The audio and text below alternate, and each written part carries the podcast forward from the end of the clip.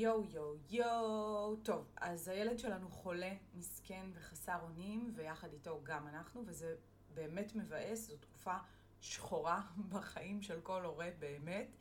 אז על זה נדבר היום, על השינה בזמן מחלה. איך מצליחים לשמר בכלל את הדבר הזה בתוך הכאוס הזה שנקרא אה, מחלה.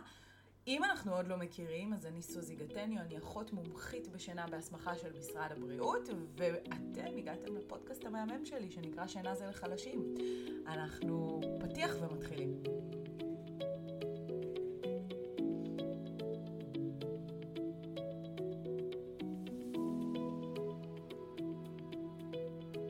טוב, אני אנסה לא להתבאס מהכותרת של הפרק הזה, אני רק המחשבה על זה מעוררת בי... חרדה וזרמים בגוף, ואנחנו אה, נתחיל מלהגיד את המובן מאליו. אתם כבר יודעים שבזמן מחלה השינה, השינה שלנו מקבלת אפילו משנה חשיבות, אנחנו, אה, וזה כבר הוכח במחקרים ששינה טובה בזמן מחלה מזרזת את ההחלמה, מקצרת את זמן ההחלמה. אה, בגלל כל מיני תהליכים שקורים בזמן השינה למערכת החיסונית שלנו, אנחנו נדבר על זה בהמשך. אבל מה לעשות? שדווקא בזמן מחלה השינה עומדת בפני אתגרים, היא מופרעת, היא מקוטעת, והיא הופכת להיות מאתגרת יותר. וכל מי שיצא לה כבר לדבר איתי ולהתלבט איתי ושאלה אותי אם עכשיו אה, זה הזמן ללמד את התינוק שלי לישון, כי הוא בדיוק מוציא שיניים ובדיוק שבוע הבא יש לו חיסון, ואני תמיד עונה שהסיבה הכמעט יחידה שבה אנחנו לא נתחיל תהליך היא מחלת חום. זהו. הסיבה הכמעט יחידה. כל שאר הסיבות לא מצדיקות בעיניי דחייה של התהליך, כי התינוק זקוק לשינה טובה כמו אוויר, כמו אוכל וכמו מים. זה כמו דיאטה, זה שינוי הרגלי חיים. אין זמן טוב, למעט מחלה. אה, אז איך נראית, אני חושבת על זה שכאילו אין זמן טוב לדיאטה, זה כאילו קלאסי חגים, אבל דווקא בחגים הכי קל לנו ללמד את התינוק שלנו לישון, כי אנחנו בחופש. טוב, אה, איך נראית השינה שלנו בזמן מחלה, או איך נראית השינה של התינוק שלנו בזמן מחלה? ברוב המקרים, התינוק שלנו יישן יותר שעות בטוטל, ביממה, יותר שעות, אבל השינה הזאת תהיה מאוד מקוטעת. הוא יתעורר הרבה פעמים יחסית, גם בשנת היום וגם בשנת הלילה. ו... אל תתבלבלו ותחשבו בטעות, כי אני רואה את זה המון, שזהו, התינוק שלכם לא יוכל לחזור לישון טוב לעולם, ושכל מה שבניתם קרס ונהרס. אם לפני המחלה היה לכם תינוק שישן טוב, אתם תפגשו אותו שוב אחרי המחלה. בסדר? אני אחזור על זה עוד פעם. אם לפני המחלה היה לכם תינוק שישן טוב, תירגעו ומהר. אתם תפגשו את התינוק שישן טוב שוב פעם אחרי המחלה. אם מלכתחילה, לפני המחלה, התינוק שלכם גם ככה לא ישן מי יודע מה, אז תדעו שבכל רגע ניתן לשנות את פני הדברים ואתם תוכלו להיעזר בהדרכות ובליוויים שלי אחרי שהמחלה תעבור. בסדר? עכשיו, כרגע לתינוק שלנו יש קושי אובייקטיבי לישון טוב, כי הוא חולה, כי הוא מצונן, כי משהו מפריע לו, כי משהו סותם לו את האף, כי הוא סמרטוט, כי כואבים לו השרירים, כי הוא לא מרגיש טוב. אז איך נשמור על השינה בזמן מחלה? יש לנו כמה אה, היבטים שאני רוצה להתייחס אליהם בפרק הזה. בזמן מחלה, קודם כל, הילד שלנו זקוק ליותר פינוקים וידיים, נקודה. וסביר להניח שגם אתם בעצמכם הרבה יותר חרדים וחוששים לשלומו, וזה כמובן בסדר והגיוני. אבל במקום לקחת את התינוק שלכם אליכם למיטה ולהסתכן בנפילה חס וחלילה, או בשינה לא טובה, כי מה לעשות, אנחנו זזים בלילה ואנחנו מפריעים ואנחנו משמיעים קולות, וזה הדבר האחרון שהתינוק החולה שלכם צריך, אז מה שאני מציעה זה שפשוט קחו מזרן, תעבירו אותו לחדר שלו, אה, את המזרן, פשוט תיקחו אותו ושימו, תתקבעו, תקימו מחנה בחדר של הילד במקום שהוא יבוא אליכם. תשנו אתם לידו בחדר שלו במקום להביא אותו אליכם למיטה. החוכמה בזמן מחלה היא מצד אחד לשחרר את הגבולות הנוקשים, לענות על כל צורך פיזי ורגשי שמתעורר, ומצד שני, גם לא לאבד אוטומטית את כל ההרגלים הטובים שהשגנו עד עכשיו ולפרוץ את כל הגבולות, כי זה לא יעזור לו וזה לא יעזור לנו. למה אני מתכוונת? תינוק שכבר ישן טוב לפני המחלה, לא צריך עכשיו כשהוא חולה, להניח אוטומטית שהוא רוצה לישון בידיים שלי. כי אנחנו יודעים שהשינה האיכותית ביותר תקרה דווקא במיטה שלו ולא על הידיים שלי. כי אני זזה, כי אני נושמת, כי אני משמיעה קולות, איפה הפשרה תהיה? מה כן אני יכולה לעשות? אני יכולה להרגיע יותר על הידיים, אני יכולה לתת יותר ידיים, יותר פינוקים, לנחם יותר, ואז כשהוא רגוע, וכשאנחנו בטוחים שאין לו חום ושלא כואב לו כלום, אפשר להניח אותו במיטה שלו. אני רוצה שתשאפו בזמן מחלה לשמר שגרה. כלומר, עדיין לנסות ולשמור על שעות ההרדמה וסדר היום הרגילים, ויחד עם זאת, תקשיבו לסימנים שהילד מראה לכם. זה מאוד הגיוני שחלונות הערות שלו עכשיו בזמן מחלה יתקצרו. למה? כי הוא עייף יותר. כי הגוף שלו נאבק במחולל מחלה. אז הגוף שלו נהיה עייף בשלב מוקדם יותר. במילים אחרות, הילד שלכם יהיה עייף יותר מהרגיל, וזה בסדר להרדים אותו לפני הזמן, לפי הצורך שלו, לפי מה שאתם מזהים בשטח, לפי מה שאתם רואים על הילד. אם הוא ישן יותר שעות או יותר זמן מהרגיל, או צמוד מדי לשנת הלילה, אנחנו לא מחשבנים לו עכשיו שעות שינה. הרי במצב רגיל אני תמיד אומרת לכם אה, להגביל את השינה ביום כדי שהיא לא תעבור את הלימיט שמותר, כדי שלא נראה פגיעה בשנת הלילה. בזמן מחלה אנחנו זונחים את העיקרון הזה, הילד שלנו צריך לישון כמה שיותר יותר טוב, ואנחנו מפסיקים את ההתחשבנות הזאת ולא סופרים לו שעות. ולמה זה? כי שינה קריטית קריטית להחלמה. בזמן השינה המערכת החיסונית שלנו מקבלת בוסט של חיזוק והיא נלחמת בפתוגן. המערכת החיסונית שלנו בזמן השינה מפרישה חלבונים, שקוראים להם ציטוקינים, והם בעצמם מחזקים אותה. וכל הגוף כרגע נלחם וצריך להשקיט את כל המערכות שגוזלות ממנו אנרגיה ולהתרכז במלחמה כנגד הווירוס או החיידק שחדרו אליו. ולכן הילד שלכם זקוק ליותר מנוחה מהרגיל. אז שחררו את החשבונות, זה גם לא ישפיע לכם על שנת הלילה, שנת הלילה גם ככה תהיה חרבנה, כי, כי הילד חולה, אז לפחות שיישן ביום. אה, אני מקווה שהבהרנו את הנקודה הזאת. אם הילד שלכם, אנחנו כאילו עולים שלב עכשיו, בסדר? מקודם אמרנו שאנחנו לא אוטומטית מניחים עכשיו שהוא צריך את הידיים שלי כדי להירדם, בסדר? כי הוא כבר ידע לישון בלי הידיים שלי, אז אין סיבה שאני אוטומטית אקח אותו אחורה, כי יהיה לו הכי נוח במיטה שלו בסופו של יום. אבל יש מצבים שאין מה לעשות. הילד שלי צריך קצת יותר עזרה בהרדמה, וזה ממש ממש ממש בסדר לעזור לו. אני תמיד פוגשת הורים, במיוחד כאלה שעברו תהליך שהם כל כך חרדים בזמן מחלה לאבד את כל מה שהם, אה, את כל מה שהם השיגו, כי הם היו במצב כזה גרוע לפני, אז, אז הם, הם כל כך חרדים לה, לה, להישגים שלהם, שהם נורא פוחדים לזוז ימינה ושמאלה. לא, בזמן מחלה זזים ימינה ושמאלה זה בסדר. שוב, בשיקול דעת.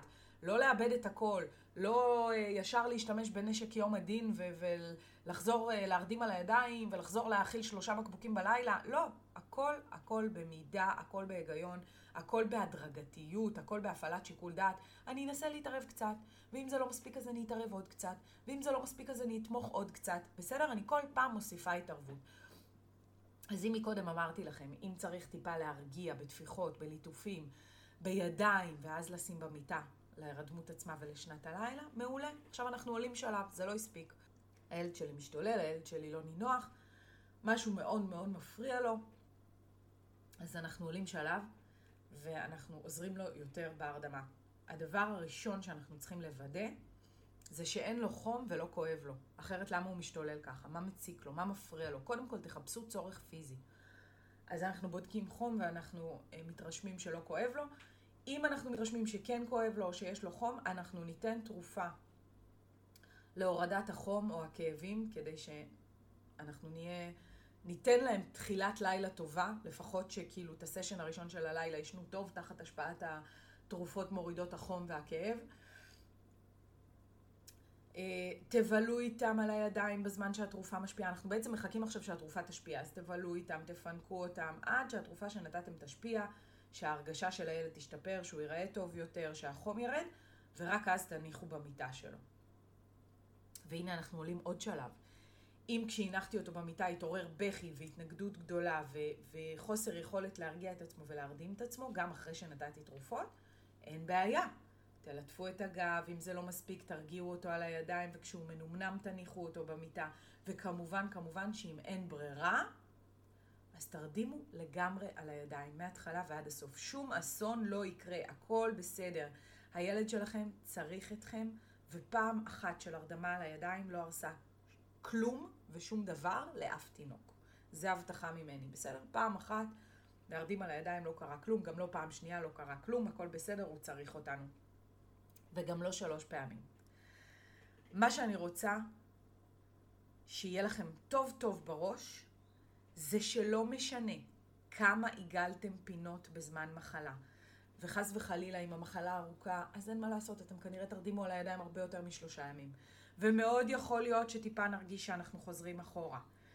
לא משנה כמה עיגלתם פינות בזמן מחלה, בשנייה שהמחלה הזאת מסתיימת, והילד מרגיש יותר טוב, יום יומיים חוזרים למסלול ובזה נגמר הסיפור.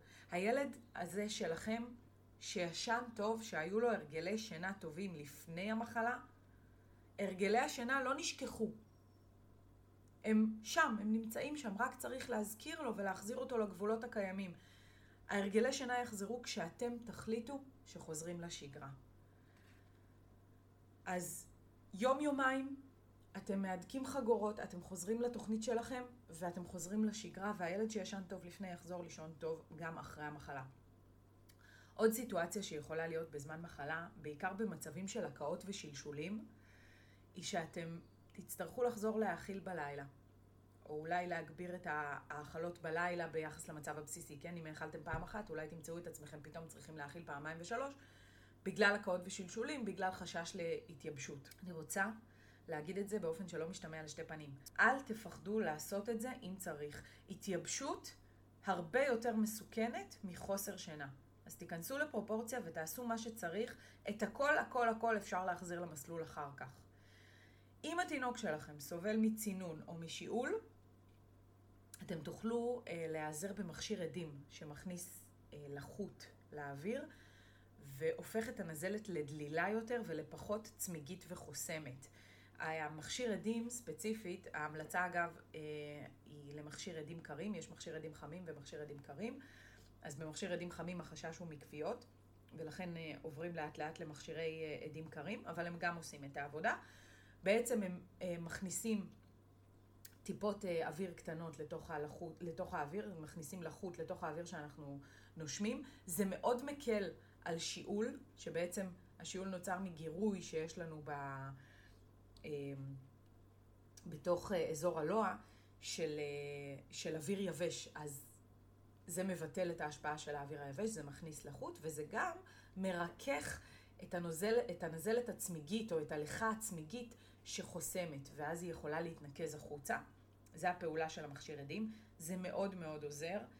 אה, אפשרות שנייה שאתם יכולים להשתמש בה זה ספריי saline.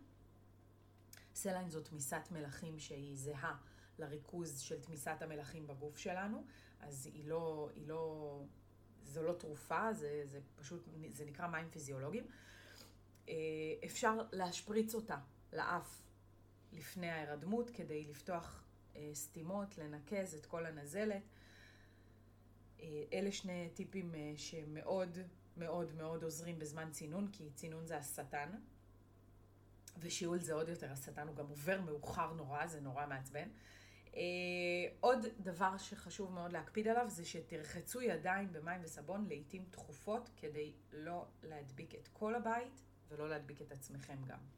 לפעמים הורים שואלים אותי כשהתינוק שלהם מצונן, האם להרדים אותו עם uh, מזרון מוגבע, כלומר בזווית גבוהה, כדי לעזור לו לנשום טוב יותר. אז בגדול, אם הרופא שלכם לא אמר לכם מפורשות לעשות את זה, ההמלצה היא שלא. פשוט לא לעשות את זה מסיבות בטיחותיות. כל הנדנדות, כיסאות בטיחות, סלקל, עגלות, פופים, כל מוצר שמחזיק את התינוק שלכם בתנוחה מוגבעת, לא נועד לשימוש ללא השגחה. בסדר? אז אם התינוק שלכם נמצא שם, אין בעיה, רק תחת השגחה. וזה משהו שחשוב להגיד.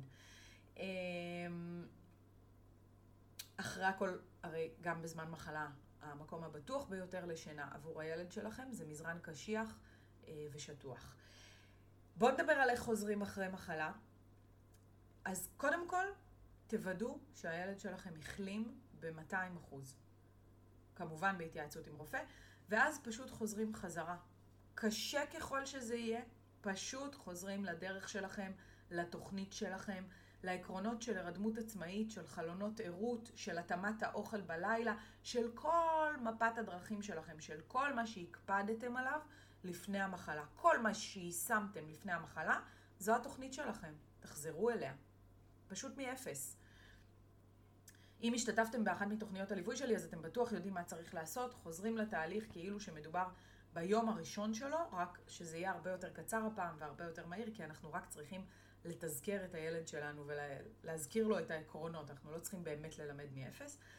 והכי חשוב, תהיו סובלניים בבקשה מכם. וזה משהו שאני פוגשת כמעט באופן גורף אצל כל ההורים. כשאנחנו בתהליך ליווי, זה, ה... זה החוסר סבלנות לקצב של הילד. כאילו, יש דברים שאי אפשר לזרז. ואין כאן אפשרות לעשות קסמים. יש דברים שלוקח להם זמן. תאפשרו לילד שלכם בסבלנות לחזור לשגרה. גם הוא בן אדם, גם לא לוקח זמן, וזה בסדר. פשוט תמשיכו ללכת. אז אם נסכם בגדול את כל מה שפירטנו בפרק הזה, בזמן מחלה אנחנו בסך הכל מצד אחד נותנים לילד שלנו יותר פינוקים ואהבה, כי זה מה שהוא צריך, ומצד שני לא זונחים באופן אוטומטי ובבת אחת את כל ההרגלים הטובים שהיו, אם היו כאלה לפני המחלה. כשחולפת הסערה, אחרי ההחלמה, אם הלכנו אחורה, פשוט מהדקים חגורות ופועלים בדיוק לפי השיטה או התוכנית שעבדה לכם לפני כן, וחוזרים למסלול. המון המון המון בריאות, החלמה מהירה ונשיקות. ביי יוש.